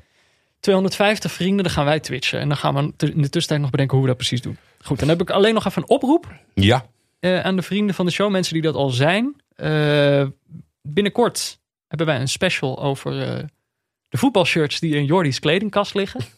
ik, wil, ik wil wel eens weten wat de, wat de verhalen daarachter zijn. Ehm, maar het leek ons leuk om die aflevering samen te maken met onze vrienden van de show. Dus het mag ook over jullie voetbalshirts gaan. Ehm, het gaat goed. Het gaat goed. We hebben er Ja. al best wel veel. Er is nog ruimte voor meer. Altijd. De, de oproep is als volgt. Stuur een audiobericht waarin je in één minuut vertelt over jouw favoriete voetbalshirt. En dan dus wel een shirt dat je hebt. Dat in jouw kledingkast ligt. Of dat je bent verloren. Dat mag, mag misschien ook nog wel. Maar eentje die je in jouw bezit hebt. Dus niet zomaar een shirt. Want als je het niet durft te kopen, is het dan wel echt je favoriete shirt. Denk ik dan. Nou ja, die aflevering komt binnenkort. Ja. Een paar weken. Oké, dan eh, even kijken. Wat was er nog meer deze week in het voetbal? We hadden een Ja, dat- mascotte-update. Dat mascotteverhaal dat is nog steeds niet afgelopen. Dat Eh, gaat maar door. Dat gaat maar door. Eh, In het kort. Mascottes hebben natuurlijk een eh, penibele positie in deze coronatijd. Want er is geen publiek meer om te vermaken. In ieder geval niet in het stadion. Eh, dus wij vroegen ons af, wat zijn die aan het doen? Nou, er is dus een WhatsApp groep waar alle mascottes in zitten. Waarin ze dit soort alle. zorgen met elkaar delen. Inderdaad. Er zit er eentje niet bij. Lucky Links. Lucky Link. Lucky Links van Ajax. Die zitten weer niet bij. Nou, daar hebben wij, al- hebben wij schande van gesproken. Maar we hebben een audiobericht gekregen. Update van eh, Matthijs. Die ons daar meer over te vertellen had. Even luisteren? Beste Jordi en Peter. Via deze weg wil ik even een lans breken voor Lucky Links. Want volgens mij weet ik waarom de Ajax-mascotte niet in de WhatsApp-groep voor Nederlandse mascottes zit. Drie jaar geleden won ik een prijsvraag van de Ajax-supportersvereniging en werd samen met mijn vriendin en een jongen van een jaar of acht en zijn moeder naar de arena vervoerd voor een rondleiding in een grote, wellicht via auto.nl aangeschafte Ajax-Audi. Toen ik daar aangekomen nog ernstig zat te twijfelen of ik per ongeluk aan een kinderprijsvraag had meegedaan, wat met grote schuldgevoelens gepaard ging, verscheen daar in de catacombe van de Johan Cruijff Arena Lucky Links. En Lucky beantwoordde die dag zelf geen vragen, maar was een begeleider die mij kon vertellen. En als er kinderen luisteren die nog in Lucky Links geloven, moeten die nu even hun oren bedekken. Dat er tegenwoordig niet altijd dezelfde persoon in het pak zit, maar een vaak stagiaires de rol van Lucky op zich nemen. Dus tenzij er bij Ajax een werktelefoon beschikbaar is die de verschillende Lucky-vertolkers met elkaar kunnen delen, is het te verklaren dat Lucky niet in de groepsapp zit. Ajax DD. Ja, joh. Zes, zes, zes verschillende mensen die in het pak zitten. En eh, kijk, de, de, de, de mascottes die zijn geïnterviewd vrij recent door Michel Dodeman. Ja. Dat, daar, daar, daar druipt de commitment aan af. Dat is niet iets om te delen. Nee, Die gaat niet zeggen het is tegen een fulltime job. Dat Ja. doet hij even een stagiair. met, met, met, met, met, vol met passie. Maar ja, het is, eh, het is eh, past bij het bedrijf Ajax. Hè? Ja. Ja, ieder, ieder jaar opscheppen over de nieuwe jaarcijfers. Ja. En blijkbaar zit daar dan niet ruimte omdat, je, om gewoon- omdat je onbetaalde mensen in een pak zet. Schande, schande. Eh, maar dankjewel Matthijs eh, voor deze update. Heeft eh, eh, Mourinho deze week eh, al wat gedaan? Nou, niet, hij zat niet in de match of the day. Nee, Dat kan nog niet. Nee, nee, het was een Mourinho-loze match of the day. Dus dat was erg, erg saai. Hij heeft natuurlijk deze afgelopen week wel gespeeld. Ja, Europa League voetbal tegen Lask Linz. 3-0 mooi weer even met de voetjes op de grond gezet. Dat last. gewonnen van Lask. Daarover had eh, Mourinho de opmerking... niemand is aan de bal beter dan wij. En da- daarmee bedoelde hij echt geen enkele club ter Niemand. wereld. dus gewoon echt, zij zijn nu de... Ik vind dat wel eh, des Mourinho's. Ja. Europa League spelen met zo'n selectie tegen Lask Linz spelen... die veel minder geld te besteden hebben. En dan toch eventjes op de borst kloppen na een 3-0 winst. Eh, dat heeft hij gedaan. Vanavond speelt hij tegen Burnley. Oeh, Daarom zit hij niet in Match of the Day. Ja, altijd lastig hè. Kun je Ja. het op een maandagavond... Sean Dice. het dinsdagavond, nee. Nou ja, Oh? dan ben ik het even helemaal kwijt. Wintertijd. Kan je, Hoe laat is het? kan, je, kan je tegen Burnley? Dat is eigenlijk de vraag. Misschien regent het zelfs wel. Nou, ge- geef het hem te doen. En ik kwam verder nog een dingetje tegen. Ja. Eh, die, die man doet wel veel tijdens een week, kom je dan achter. Eh, wat me ook gewoon weer warme gevoelens gaf. Ik dacht, hij is eh, weer helemaal terug. Laat ik jou, zal ik het jou even laten horen? Ja hoor. maybe our world doesn't accept kids like him. Discreet. There is no Sonny a part of the Sonny football player. Humble kid, normal life, quiet life, incredible social behavior. Maybe the world doesn't like top professionals like him. Um, maybe it's fault. Maybe he should do some some noise for people to recognize him. Yeah, maybe you do have need to be a bit more likely to be a rock star player, you know. Yeah, he's a rock star when he plays. Gaat het over Son? Ja. Dacht ik al. Jongmin Son, dat is zijn Ja. nieuwe lievelingetje. Dit En- is, Het enige cliché wat nog mist, dat hij goed was in eh, mathematiek. nou ja, dit is, maar dit, ik, dit voelde wel als de oldschool Mourinho. Die heeft altijd lievelingetjes in het team. Ja. En wat hij ook altijd doet, dat is volgens mij echt de methode van Gaal, heeft hij dat afgekeken, is altijd zeggen dat je niet genoeg erkenning krijgt. En dat doet hij dan via zijn spelers. Dus die Jongmin Son krijgt niet genoeg erkenning. Maar ik bedoel, dat kan je zeggen over een speler die heel erg afgezeken wordt. Maar dat is natuurlijk bij Jongmin Son heel moeilijk. Dus, Nee, je hebt- ja. dus hij draait het dan weer om. Het is een aardige bocht die hij neemt. Hij zegt dat het te weinig waardering is voor spelers die heel professioneel zijn. Wat bij Son volgens mij ook niet het probleem is. Misschien is, moet hij wel een uithangbord worden van ons. Ming Son. Denk de ultieme neutrale speler. Ja, ik vind het sowieso echt een geweldige voetballer. Ja. Ehm, maar ik vind het ook, ook wat hij zegt, klopt denk ik wel. Dat hij minder goed gevonden wordt omdat hij buiten de lijnen niet zo raar doet. Zeker. Zeker. Ja, maar, ja, ja, ja. maar ik, ik hoop vooral dat Son blijft wie die is. En niet eh, de rockster gaat uithangen. Als het gewoon niet... Ja, dat kan die waardering heb je toch niet... Die, ja, da- dan maar geen eh, extra waardering of roddelblaadjes waardering. Who cares? Ja. Iedereen die voetbalverstand heeft, die ziet toch dat die jongen hartstikke goed maar is. dit is de Mourinho-tactiek. Hiermee Ja. voel je, hij zit gewoon weer... Het is niet sleets geworden. Hij zit gewoon nog in zijn... Hij is nog steeds dezelfde Mourinho. Nee, maar ik moet ook zeggen dat ik. eh, eerst dacht ik van, wat, wat gaat hij doen daar? Weet je, tot er een project was op, Pochettino had uitgeknepen. Mhm. Ik zie nu langzaam wel een klein beetje wat ontstaan op dat veld ook. Niemand is beter aan de bal dan zij. Nou ja, dat is al één, eh, één stap eh, richting een landstitel. Verder had jij wat cijfers. Je had wat cijfers. Ja, die zijn van mij voor jou. Oké. 36, 32, 23, 23, 11. 1, 23 eh, is, eh, die staat voor 2. Maar dat weet jij niet. Eh, eh, als, ik, als ik zou zeggen, van de top 5 competities eh, die wij hebben. eh, bij welke is, welke is het het moeilijkst om terug te keren?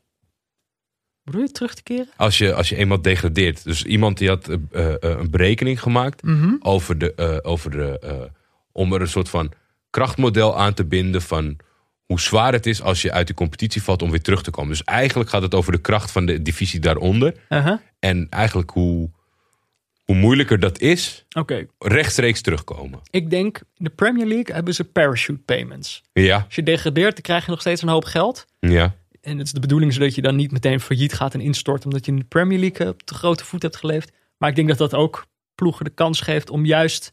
Dat het niet de parachute is, maar een soort trampoline. ja. Dat ze meteen weer terugstuiteren. Fulham heeft dat gedaan. Voor mijn gevoel zijn er best wel vaak ploegen die, eh, die de heen en weer eh, beleven. ja. Ehm, maar deze aantallen zijn dan Percentages.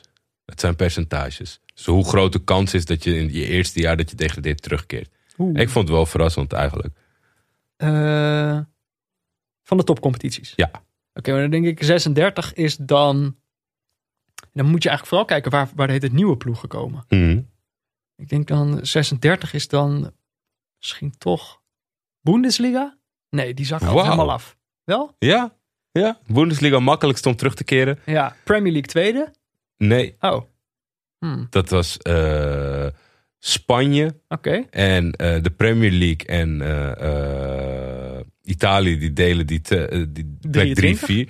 Eh, Die in, hebben allebei 23% in Frankrijk kan je het wel shaken. Zo, als je daar degradeert... Als je dan- degradeert, dan kan je je club opdoeken, want Zo. dan kom je bijna niet terug. En, eh, Maar dit werd er nog iets aan die berekening toegevoegd van... Nou ja, zij vonden het een, een, een kwaliteitsfactor voor, voor, voor zeg maar een Oh. soort van extra meting. En het is ja, misschien, wel, misschien wel gedaan door een Fransman, omdat het natuurlijk de Farmers League is. En eh, eh, vanuit dat perspectief. Maar ik vond het best wel. Het, het is natuurlijk. Het zegt wat meer over die divisie daaronder, hoe zwaar die is. Maar ik vond 36% ja. terugkeringskans is... Is best wel groot. Ja, dan kan je eigenlijk wel zeggen van, oh, is ons jaar niet. Gaan even voor de ja, maar dat, je kampioen en hebt toch ook terug. de Premier League clubs die dat ook wel doen. Een soort van opgeven en dan een soort ja, van... zo van dan kunnen we een jaartje weer bouwen in de championship en dan komen we daarna sterker terug. Ja. Je hebt ook ploegen die dat niet doen, zoals Fulham. Die, die maken er gewoon weer een potje van. Maar, eh, nou, ja, weet ik niet. Het kan natuurlijk ook iets zeggen over hoe je het, eh, hoe je het beleidsmatig eh, geregeld hebt. Ja, Toch? Want ik denk, de Bundesliga hebben ze natuurlijk het geld gewoon veel eerlijker. Verdeeld. Ja, nou, ik weet het Het niet. zijn meerdere factoren. Ja, maar bij, bij Frankrijk waren er echt ook een paar eh, voorbeelden van clubs die gewoon in één keer dolkelderden helemaal naar beneden tot aan Ja. het amateurniveau. Eh, ja, dat heb je in Duitsland natuurlijk ook. Ik zag Hansa Rostock nog voorbij komen. ja, ja, zeker. En, Kaiserslautern. eh, Kaiserslautern is het helemaal op zijn gat. Ja. Wij hebben de namenlijst. ja, die hebben we uitbesteed. Ja, Die hebben we geoutsourced naar onze vrienden van de show. Ja, Toch, dat- normaal zetten we er zelf namen in. Nu mochten eh, onze luisteraars dat doen. Ik dacht dat het eh, een, een, een, een go- goed facet was. Ja. Om de hele tijd met zelf die naampjes in te schieten. Ik dacht van, nou, meer ogen, meer lol. Maar jouw opzet was dan ook, ze mochten alleen de naam zeggen. Ja, en dat Verder niks. keurig, maar wat moeten we daar dan mee? keurig aan gehouden. Ja, het zit er eentje die wat... Ja, een- de, de langer gaan we overslaan. Ik, wat, ik hou het ehm, heel kort. Eh, dus de nieuwe namenlijst die is eh, samengesteld door vrienden van de show. Jordi, die begon de week met Nick Dodeman. Nick Dodeman, Die ken jij. eh, speler van Volendam. Ja, Koning van de assist. geboren in Volendam. Venhuizen. Oh. Ja, de, koning van de assist, daar hield het op. Die- Ja, nou ja. headline heb ik gezien. Ja, dat was het natuurlijk. Hij, hij gaf eerst tegen jong PSV gaf hij drie assists in de wedstrijd die Volendam 5-1 won. Enkele dagen later won Volendam uit bij Jong AZ met 2-6. Gaf hij eh, vijf assists. Maar nou komt het. Goedemorgen. Nu speelt hij tegen Dordrecht. Drie dagen geleden. Wint Volendam 7-1. Nul assists. Ja, hij is de magic kwijt. Ja, het- ik, ik, ja. Wat, heeft hij, wat heeft hij staan doen die hele wedstrijd, man? Maar ik, heb- ik, ik zie die uitslagen van Volendam is toch niet normaal? 5-1, 2-6, 7-1. Ja, wat daar, ik, ik weet niet wat, ze, wat daar allemaal in het rioolwater zit. nou, volgens mij een heleboel mensen wel. Eh, daar, Cebu klinkt als een eh, eh, original eh, inzender. Qua Cebu? naam, ja, qua username. Klinkt wel bekend. Ja. Marx Lenin dos Santos Gonçalves. Ja, deze heb ik ook voorbij zien komen. Ja? Was natuurlijk weer lachen. Ja, er zijn altijd. We hebben al gelachen deze aflevering om Reinier. De Braziliaan die Reinier heet, maar dat is natuurlijk. Namengrapjes. Er zijn al, altijd Brazilianen met, eh, met mooie namen. En hij ging naar Rusland. Ja, Marx Lenin ging naar eh, een Russische club. Ja, dat was, eh, was leuk. Heb ik ook voorbij zien komen. Sam van Nassau, Pascal Struik. Ik, Jij het hebt een wordt- stukje Leeds nu gewoon- gezien. Het wordt gewoon het op mij geschoten. en Oh ja, sorry. Nee, ja, ik draai het zo om. Want ik weet sowieso dat je de volgende niet weet. Pascal Struik eh, heb ik ook voorbij zien komen. Was inderdaad bij Leeds. En die, eh, dat Bielsa, zit een Nederlander bij een Premier League club. Eh, en, eh, maar hij werd heel snel gewisseld in de eerste helft al. Het had geel gepakt. Kort daarna nog een overtreding gemaakt. Dat, die, eh, dat je dacht van nou had er ook nu al afgestuurd kunnen worden. Eh was natuurlijk een belangrijke wedstrijd voor, voor Leeds. Elke wedstrijd is belangrijk. Maar Bielsa hij is dan nam niet het de wel, hij nam het wel oké op, vond ik. Ja, maar ik denk dat dat ook kan als Bielsa je trainer is. Want die weet... Kijk, het is geen Mourinho die jouw ego probeert te breken. Nee, Het is gewoon een trainer die... eh, het goed met je voor heeft en zorgt dat je niet nou, geschorst hij wil gewoon, Het is gewoon het belangrijkste is alleen maar die wedstrijd. En daar kan je echt wel van op aan bij hem. Ja. Dus eh, Pascal Struik, die weet dat ook wel. Heb jij, het, eh, heb jij het ook open? Want dan kan je het ook naar, naar mij toe schieten. Ja, ja, Anders moet ik naar mezelf... Erik, Erik Rabesandratana. ja, dat is een... Dat was in één keer trouwens, hè? ja, keurig. Dit was de keurig. first taker. Weet je waarom Rijn hem in het, eh, in het eh, namenboekje heeft gezet? Ik moet eerlijk bekennen dat ik dit al gegoogeld heb. Oh, wat, Dus ik weet dat. wat- Ja. dit is een heupenonderdeel, Ja? eh, Peter. Dit, Oh, is, dit is heupschieten. Oké, dan ga ik vanaf nu niet meer googelen. Nou ja, oké, dus dan weet je het. Hij heeft, hij heeft Tuchel de van, nou niet van beticht. Hij denkt dat hij bepaalde dingen expres aan het doen is om ontslagen te worden. Hij zegt, ik Hij is aan het tanken. ja, hij, hij, hij kan het anders. Voetbaltechnisch kon Erik het niet meer uitleggen. Prachtige voetballer van weleer. Mhm. Van wat hij allemaal aan het doen was. Bijvoorbeeld dat hij in de meest recente wedstrijd eh, Hij denkt dat Paris Saint-Germain expres aan het verliezen is. een middenvelder centraal zette achterin en een verdediger. Hij zegt hij is zulke rare dingen aan het doen. En had je dat gezeik weer van hem gezien? Sorry hoor, maar altijd die tuchel. Hij, het krijgt helemaal warm. Voor de wedstrijd hadden ze, hadden ze de muziek niet zo swingend als normaal in de Champions League. Dus hij Oh. voelde eigenlijk al dat deze wedstrijd verloren was. Ik, ook Ik vind, hoe verzint hij die smoesjes elke keer? Het is toch niet te geloven? ik, je- terwijl je, je inderdaad, als als er één club is waar je geen excuses hebt, dan Ja. is het daar. Maar dat zegt eh Erik dus ook. Erik ook. Die zegt, eh, eh, hij is op, hij wil ontslagen worden, want anders is het onverklaarbaar wat Thomas Tuchel dit seizoen allemaal aan het doen is. Dat vond ik wel een mooie, eh, Nou, ik ben benieuwd of het hem gaat lukken. mooie bevinding, mooie mening. Dat is wel echt, het is bijna moeilijker dan, dan kampioen worden bij Ja. Paris Saint-Germain. Ontslagen Nou, worden. misschien dit jaar. Eh Gunnar Saus, Mesut Özil. Ja, wat moet ik daarvan vinden? Toch? Is daar nieuw nieuws over? Eh, hij, is- eh, hij tweet tijdens de wedstrijden nu. Oh. Heb je dat meegekregen? Nee, hij live tweet wedstrijden van Arsenal. Ja, volgens mij tijdens de, tijdens de Europa Oh, maar ik- het is wel sneu natuurlijk hoe die hoe club en speler tegenover elkaar zijn komen te staan. Terwijl dit gewoon eh, een mooie voetballer is. Ja, absoluut. Ze hadden allebei iets aan elkaar kunnen hebben. de discussie is natuurlijk een beetje, en waar, we net, waar ik niet verwacht ooit eerlijk antwoord op te krijgen. Wat is de reden erachter? Is het voetbaltechnisch, vind ik het allemaal niet zo zielig. Heeft het te maken Ah, met zijn eh, uitgesprokenheid, nee, dan vind ik het heel sneu. Het is een opeenstapeling van, van dingen. Hij heeft Ja. natuurlijk ook wel echt vorm, vormcrisissen ge- crisissen gehad. Precies dat. Maar als dat, als dat ook gewoon echt het enige punt is, vind ik het hartstikke legit allemaal. Vind ik het echt niet Nee, maar zielig. op een gegeven moment is, heeft zo iemand zich gewoon onmogelijk gemaakt. En dan komt een nieuwe trainer zoals Arteta. De nieuwe start. En denkt, ik ga niet die gast. Ja, maar dat heeft hij dus wel gedaan. Oh, ja. En toen kwam nog wat politiek getinte incidentjes. Ik weet het niet. Ik, maar ik, eh, sorry, ik dacht een beetje, dit, dit- het voelt als oud nieuws of zo, toch? Dit, zijn we al, eh, dit is toch al een paar jaar aan Nou ja, hij, hij is op dit moment continu nieuws, zeg maar. Het blijft Mhm. en nu gaat hij nog wedstrijden live tweeten ook. Dus dan eh, Maar ik bedoel, toen, sinds hij het salaris van Gunnar Soros heeft betaald, is, hij een ben good, ik op. is hij een good guy. ja, sta ik altijd aan zijn kant. Ja. Wat zijn we beland? Ik zie een leuke. Vertel. Die is van Peter Buurman, zie ik er staan. Oh, dat ben ik zelf. Ik had, Show, eh, Showmaster staat er achter jouw naam. Ja. Niet, niet wanneer. Oh, wel wanneer het heeft. Showmaster. Ja, Marcus Thuram had ik erin gezet. Ja. Eh, Borussia Mönchengladbach, geloof ik. vond, je, vond je het lollig? Was lollig, ja. Vond je het lollig? Ja. Hij ging, eh, die, moest zich, die moest ook spelen op verplaatsing. Dus die Ja. met het vliegtuig. Er werd om zijn identificatie gevraagd. En er was een, kwam een foto online, gewoon volgens mij van het account van Borussia Mönchengladbach zelf. Ehm, waarop hij op zijn telefoon zichzelf gegoogeld had. Dat was zijn identificatie. Ja. Hij zegt, ik ben, dit, ik, ben ben, ik. ik. ben Marcus Thuram. Ik heb mezelf gegoogeld, dit ben ik. Ja, ik moest er wel om lachen, ja.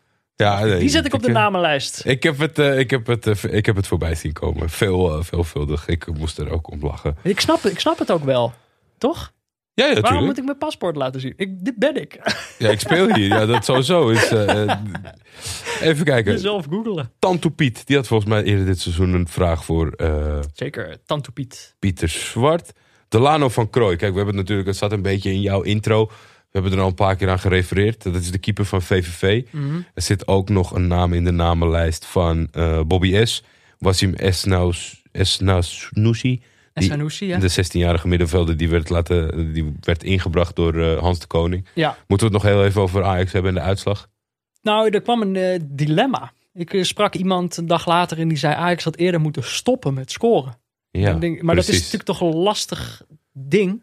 Dit Dat, is, gaat, dat is toch ook vernederend? Wat ik ook vernederend vond, was de samenvatting in Studio Sport. Oh, Daar maakten ze ook een soort lollig dingetje van. Dat was gewoon, en daar gaat één, en daar gaat twee, Ja. en daar gaat drie, en daar gaat vier. Dan denk ik, hallo, het is gewoon professioneel Ik snap sport. wel dat het een. Voor mij was het ook een soort Dat zo'n ontmanteling. Je Benny- denkt ook, waar zit ik naar te kijken? Wat is dit? Ben je heel tuentje onder? Nee, toch? Nou, het is Dat was de één stap. één stap daarvan verwijderd. Maar ik denk, eh, als Ajax was gestopt met scoren, dat is ook vernederend. Misschien nog wel vernederend. Tuurlijk. En dat gaat volledig in tegen het idee van sport. Dus ik vind de spelers zouden altijd door moeten gaan. En eh, ik bedoel, dit is natuurlijk dit is verschrikkelijk. Ik snap het dilemma wel. Maar natuurlijk moeten zij niet stoppen met scoren. En ik vind dat Studio Sport er gewoon een normaal verslag van moet doen. Wanneer ga je zo'n verslag doen? Vanaf 6-0? Ja. Dan doe je nog normaal, toch? Normaal wel. En 7-0 of 8-0, zo dan ga je opeens... eh, Maar heb je wel erover nagedacht hoe slecht het is voor de competitie? Nou ja, ik heb tien, tien verschillende mensen dat al zien zeggen. Vond dat Peter Bos het zei, vond ik inderdaad... eh, Die kreeg al Ja. van een paar mensen die ik volg op Twitter meteen de, de clapback. Ja, jij speelt met Bayern München in een competitie. Als dat leuk is, daar ben ik het eigenlijk wel mee eens. Janine brengt ons op de hoogte van de volledige naam, denk ik, van eh, Bas Nijhuis. Dat is Hendrikus Sebastian Hermanus Nijhuis. Ja, vind ik, oké. We hebben het natuurlijk een beetje uitgelokt. Dat Ja. een paar keer volledige namen. Danny Desmond Makkely. Wilfred Cornelius van Ginkel. Ehm, maar dit vind ik gewoon, dit is gewoon een katholieke doopnaam. Ja. Wilfred, er staat geen Wilfred tussen. Het is gewoon Hendrikus Sebastian Hermanus. Vind ik leuk, maar dit zijn gewoon zijn doopnamen. Mag wel iets gekker. Danny Desmond, dat vind ik gek. Ik ben, Oké. Nou, Janine, sorry dat je zo eh, bent geattaqueerd door nee, Peter. Maar probeer eh, het volgende keer weer. het was een hele lange namenlijst. Eh Jermaine Defoe heb ik zien scoren. Zijn 300ste doelpunt. Heel mooi uit de lucht genomen. Eh, Glasgow Rangers. Glasgow Rangers. En ik, Ah, had, ik het zit nu toch wel eh, een paar... Dag Steven Gerrard, Rangers. Ja, een competitie waar niet zoveel te halen valt. Celtic wordt elk jaar kampioen. Maar die, heeft toch wel echt, die is daar wel echt met iets bezig. Europa League, goede resultaten. Mhm. Laatst gewonnen van Celtic. Dus petje af, Steven Gerrard. Ja, het is weer leuk. Misschien moeten we dat ook een keer kijken.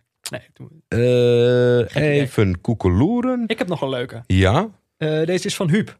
Deze heb ik dus wel gegoogeld. Moet ik gewoon heel eerlijk bekennen. Maar F- Florent Indalecio. Is het voorbeeld waarom een club als Newcastle nooit normaal zal, nooit normaal zal worden. Ja, nou, maar wie is dit dan? Vertel. Florent is een, voormalige bricklayer in Australië. Ja. Een metselaar. En die heeft ergens toen hij 15 was samen met Alain Saint-Maxime, eh, de ster van Newcastle, gevoetbald in de jeugd.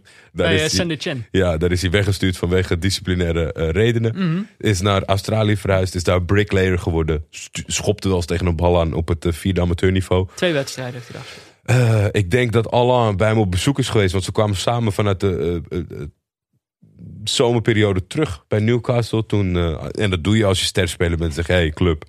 Hij, eh Saint-Maximin heeft ook een contract van acht jaar of zo, Ja. toch? Dus die dacht, daar kan nog wel een... eh, Ik heb een hele, goede, ik heb een hele bij. leuk vriend. Hij, is- hij is heel leuk. En hij heeft vroeger wel eens gevoeld, zullen we het proberen? En Steve Bruce zegt gewoon, ah joh, waarom niet? Ja, dus die, die jongen En weet je waarom? op de training. En toen maakte hij een omhaal. Ja, ik heb, het film, heb je het filmpje gezien? Ja, dat was een mooie omhaal. Dat is een perfecte omhaal. Maar op basis van die omhaal hebben ze hem een contract gegeven. Ja.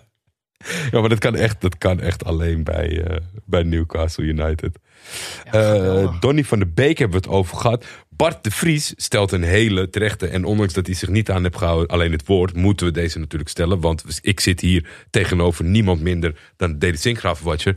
Deli Sinkgraven, Oh, ja. Is natuurlijk opgenomen in de voorlopige selectie van het dat Nederlands. zag jij natuurlijk aankomen. Ik krijg, eh, ik krijg elke keer als er iets met Daily Sinkgraven is, krijg ik allerlei berichten op, op Twitter wat ik er als Daily Sinkgraven watcher van vind. Dat heb je zelf gedaan, jongen. Dat heb ik zelf gedaan, maar dat is, eh, het is ook eigenlijk, eh, kijk, ik kijk die wedstrijden niet, maar dan wil ik nog steeds eigenlijk wel eh, zeggen wat ik ervan vind. Mensen vroegen zich af of het terecht was dat hij geselecteerd was. Ik heb nog geen enkele wedstrijd gezien, maar het is natuurlijk, het is volledig terecht.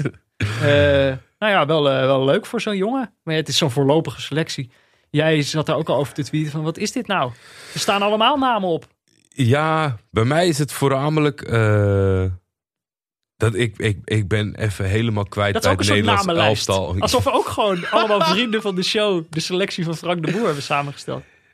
Dus in die, vooral in die voorlopige. En dan zeggen mensen, ja, maar het is voorlopige selectie, dus niet zo relevant. Maar ik, ik zou gewoon wel. Ik weet niet hoe jij er tegenaan kijkt. Zou jij het ook prettig vinden als de bondscoach een beetje uitleg geeft over de spelers die hij selecteert? Ik, ik kan namelijk geen. Ja, ja, criterium bedoel je. Dat ik je snap het niet. Moet je in vorm zijn? Moet je ooit in vorm zijn geweest? Eh, Kom je op je naam? Heb je een belangrijke ronde selectie? Hoeft niet elke week hoor. Je hoeft echt niet elke. Ja, ja elke week. Gelukkig spelen ze niet elke week. Maar elke keer hoef je dat natuurlijk niet te doen. Maar als je nu bijvoorbeeld zegt: luister, Ryan Babel en Kevin Strootman zitten in de spelersraad. Dat is een, een belangrijke factor. Die jongens zijn er om de jonkies bij de hand te nemen. Prima. Hoef je ook de volgende tien keer hoeft niet meer honderd man te tweeten. Babel, Strootman zitten er nog steeds bij. Ja. Dan haal je dat weg. Maar er zitten gewoon, je kan, ik denk zeker van deze achterlijk lange lijst, vijf tot zes man combineren. Dan kom je niet aan één wedstrijd voetbal. In minuten, speelminuten. Nee. Veldman speelt niet, Strootman speelt niet. Eh, wat zag ik nog meer? Er zijn een heleboel gasten die niet spelen. Maar zit hij niet nog een beetje in zijn... eh, Ontdekkingsfase. ja. Wat valt er nou te ontdekken? Joel Veldman speelt gewoon niet. Kevin Oh, Stroot- ik hoor het Nee, al. maar Strootman speelt ook gewoon niet. veten tegen Nee, nee, nee, tegen nee absoluut niet. Maar ik zat te kijken, want dan ga je afvragen Ja. van weet je, oh, misschien speelt hij heel goed bij Brighton. Dan moet je even, in, of bij Strootman. Maar dat, Strootman blijft ook maar hangen op die ene invalbeurt tegen Paris Saint-Germain. Ja. Om hem over de streep te trekken. Ja. Ik snap er gewoon niet zoveel van. Nee, eh, maar Deli Sinkgraven, die snapte ik dan weer wel. Dus tuurlijk moet hij daar staan. Eh, Oké. Dus wil je eindigen? Je, hebt, je, hebt- je mag, van de drie namen mag je er één kiezen. Matthijs van Asselt had Thomas Letch. Shuggy had Michiel Kramer. En Rijn had John Verhoek. Even kijken. Kijk, deze staat lekker later in. Ik heb je niet kunnen googlen. Mhm. Komt het lekker uit de heup. Thomas Letch is de trainer van Vitesse. Kramer de spits Oh, van ADO. Nou, die trainer van Vitesse, dat vind ik wel grappig. Want die, die man ziet er niet echt uit als een trainer. Nee, Hij ziet eruit als een soort eh, evil mastermind in een, eh, in een, eh, een actiefilm. ja, ja ik snap wat je eh, bedoelt. De, de, dat is dan vaak, je kijkt naar die film. Je hoeft helemaal niet de achtergrond van die mensen te weten. Je ziet gewoon, dit is de slechterik. Ja. Dat is, zo ziet hij eruit. En Ja. eh, ik geloof dat hij, heel, dat hij heel vriendelijk is. Ik heb ook het vermoeden dat hij eigenlijk best wel tactisch wel een begaafde trainer is. Wat hij tegen PSV ook allemaal weer uitvogelde met, met Bazoer. Eerst in de verdediging en daarna bijna in de aanval. Ik hou er altijd wel van. Van een beetje dat soort tactische gekkigheidjes. Ehm, maar ja, hij ziet er wel gewoon uit als, eh als, Dr. Evil. Ja, hij lijkt niet echt op maar die categorie. ja. Toch? Ja, deze, dit, ik, ik vond bij die wedstrijd, daar gaat het dan de- veel over. En dan heb ik altijd een beetje te doen met zo'n man over, want hij heeft in de technische staf gezeten van Roger Schmid. Mhm. Dan gaat het mensen altijd van, lekker hè, gewonnen van je baas. Kom maar op. Terwijl je kan ook gewoon zeggen, nou jongen, super indrukwekkend, vertel jouw kant van het verhaal. Want er wordt altijd zo'n een draadje uitgekozen. Mhm. En ik denk dat zo'n man dan gewoon heel graag heel blij wil zijn. Want die zei ook van, nou ja, ik heb vernomen van de club dat we al 26 jaar niet van PSV thuis hebben gewonnen. Ja. Dus dat vind ik een iets belangrijkere factor voor mijn blijdschap dan dat ik Roger heb verslagen, wat gewoon een goede vriend van mij is. Hij verpest dan, dan ook gewoon de hele input van... eh, Dit is altijd de strijd. Hè? Je zult zelden iemand zien die daar helemaal aan meedoet. Dat hij zegt, ja, fuck you. fuck you, Roker. Zat dan aan de andere kant ik wist van de altijd gang. al dat ik beter was. Ja. Alleen Mourinho. Da- daarom is hij... Dat is de enige die dat zou doen. Eh, wil ik afsluiten met... Jij wou nog iets over Patrick Bamford zeggen. Toch? Nou, ik had Patrick Bamford eigenlijk erin gezet. Of tenminste, ik had hem erin gezet voor jou. Want jij hebt natuurlijk eerder uitgesproken over, eh, over hem. Maar toen zag ik Hij heeft dat eh, Vardy-potentieel. Sam van Assa had het al geplaatst. Ik werd ook op Twitter gemenst. eh, Bamford maakt natuurlijk een hat dit weekend. Ja, jij kan, eigenlijk kan je je niet uitspreken over iets, want dan ben je heel gek. Maar Patrick Bamford heb je één uitzending benoemd. Ja, En nu gaan mensen jou Ja, dat- zoeken over Patrick Bamford. ja maar ik vind... eh, kijk, mensen zeggen dan, is hij nu al... Hij scoort dan een hat-trick. Het, gaat- Hat-trick. het gaat nu wel heel goed eh, met Patrick Bamford. Eh, dat mensen dan vragen, is hij al de nieuwe Vardy? En dan wil ik, eh, daar heb ik maar één antwoord op. Kan Vardy viool spelen? Hoeveel talen spreekt eh, Jamie, Jamie Vardy? Vardy, nou, b- b- half Nou, Engels. Dit is, gewoon dit is gewoon next level. Eh, Ja, ik vind het wel mooi. Er waren genoeg namen, toch? Wil je Ja, nee, nee, nee, er waren absoluut genoeg namen. En ook, ja, nee, dat, dat kan ik bewaren, want ik zie nu wat we volgende week gaan kijken. Dus Ja. dat hoef ik. Oh, nou, slot natuurlijk altijd. Of ik nog Ja, geloof oh, in. jezus. Ja, want Geloof moeten- jij nog in pro- project Everton? als Sigurdsson verdwijnt, ja. Maakt niet uit. is, eh, Gewoon vanuit de basisopstelling. Hoeft niet echt. Hij maakte die nu een eigen goal of zo? Of wat was het? Bij beide doelpunten was hij echt een eh, factor. Het Southampton speelde heel goed. eh, overrompelde Everton een beetje. Maar je ziet gewoon dat hij is een dissonant in het geheel van Mastermind Ancelotti. Ja. Dus ik zie hem niet. Was hij ook nog aanvoerder? Hoe kom je erbij? Dus inderdaad, wekelijks moeten we even kijken of jij nog gelooft. Op dit moment, jij gelooft dus alleen als hij weggaat. Ik denk dat dit verliespartij volledig kwam door Sigurdsson. Dus als hij er niet is en ze winnen weer, dan geloof ik nog steeds. Oké, ja, ze hebben wel een probleempje met die rode kaarten. Ja. De Luca Digne. Het zag er ook niet fris Gekke uit. discussie, hè? Ja, het was per ongeluk. Ja, maar hij staat er gewoon Hè? vol op zijn Die hak. gast had gewoon allebei zijn- zijn- zijn zijn beenbotten kunnen breken. Ja, ik snapte er niks van. Ik snap, weet je, alle respect voor Ancelotti en zijn ervaring. Maar dan ze- de droog ook zeggen, ja, maar ze lopen toch gewoon achter elkaar. Ja, dat- maar dat was ook niet zo. Je ziet soms een speler die loopt achter Ik geloof- iemand aan om hem te pakken. Ja maar de- hij wilde hem niet pakken. Nee. Maar hij stond vol op zijn Achillespees. En bleef dat nog even drie seconden doen. Dan ben je zeer ongelukkig. En dan Ja. zal er misschien geen... eh, ik- het zal niet expres geweest zijn. Maar dan is het toch rood. Maar kijk, als je zoveel schorsing hebt, dan moet Sigurdsson er op een gegeven moment in. dat dus is wel het kut. project Everton staat onder, eh, onder druk. Volgende week eh, hebben, we, hebben we iets, hier kan ik gewoon niet omheen. Jij zit mij iedere week zit je te zeggen, we moeten, moet Lille, wat er nu weer bij Lille gebeurd is. Eh, nou, er zijn genoeg verhalen over te vertellen. Heb je gisteren Boerak in Turk zien schelden? Dat is Eh, indrukwekkend hoor. Ja, ja, ik heb dat voorbij zien komen. Ja, ik weet niet wat hij zegt, hè? nee, Ik heb geen idee. dat wil je ook niet vertaald hebben. Nee, maar ik, ik, Ze spelen tegen ook niet de minste, Lyon. Daar Daarom. Die waren ook fantastisch tegen eh, Monaco. Manfies, Eh, wat was het nou? Hoeveel balbezit hadden ze? Hoeveel procent balbezit? Volgens mij zijn ze geëindigd met eh, eh, minder dan 30% balbezit. Ja, dat is geweldig. Nou, dan gaan we naar een geweldige wedstrijd kijken. Maar dit zijn twee ploegen in vorm. Ja. In, in Frankrijk weer even terug naar de Ligue 1.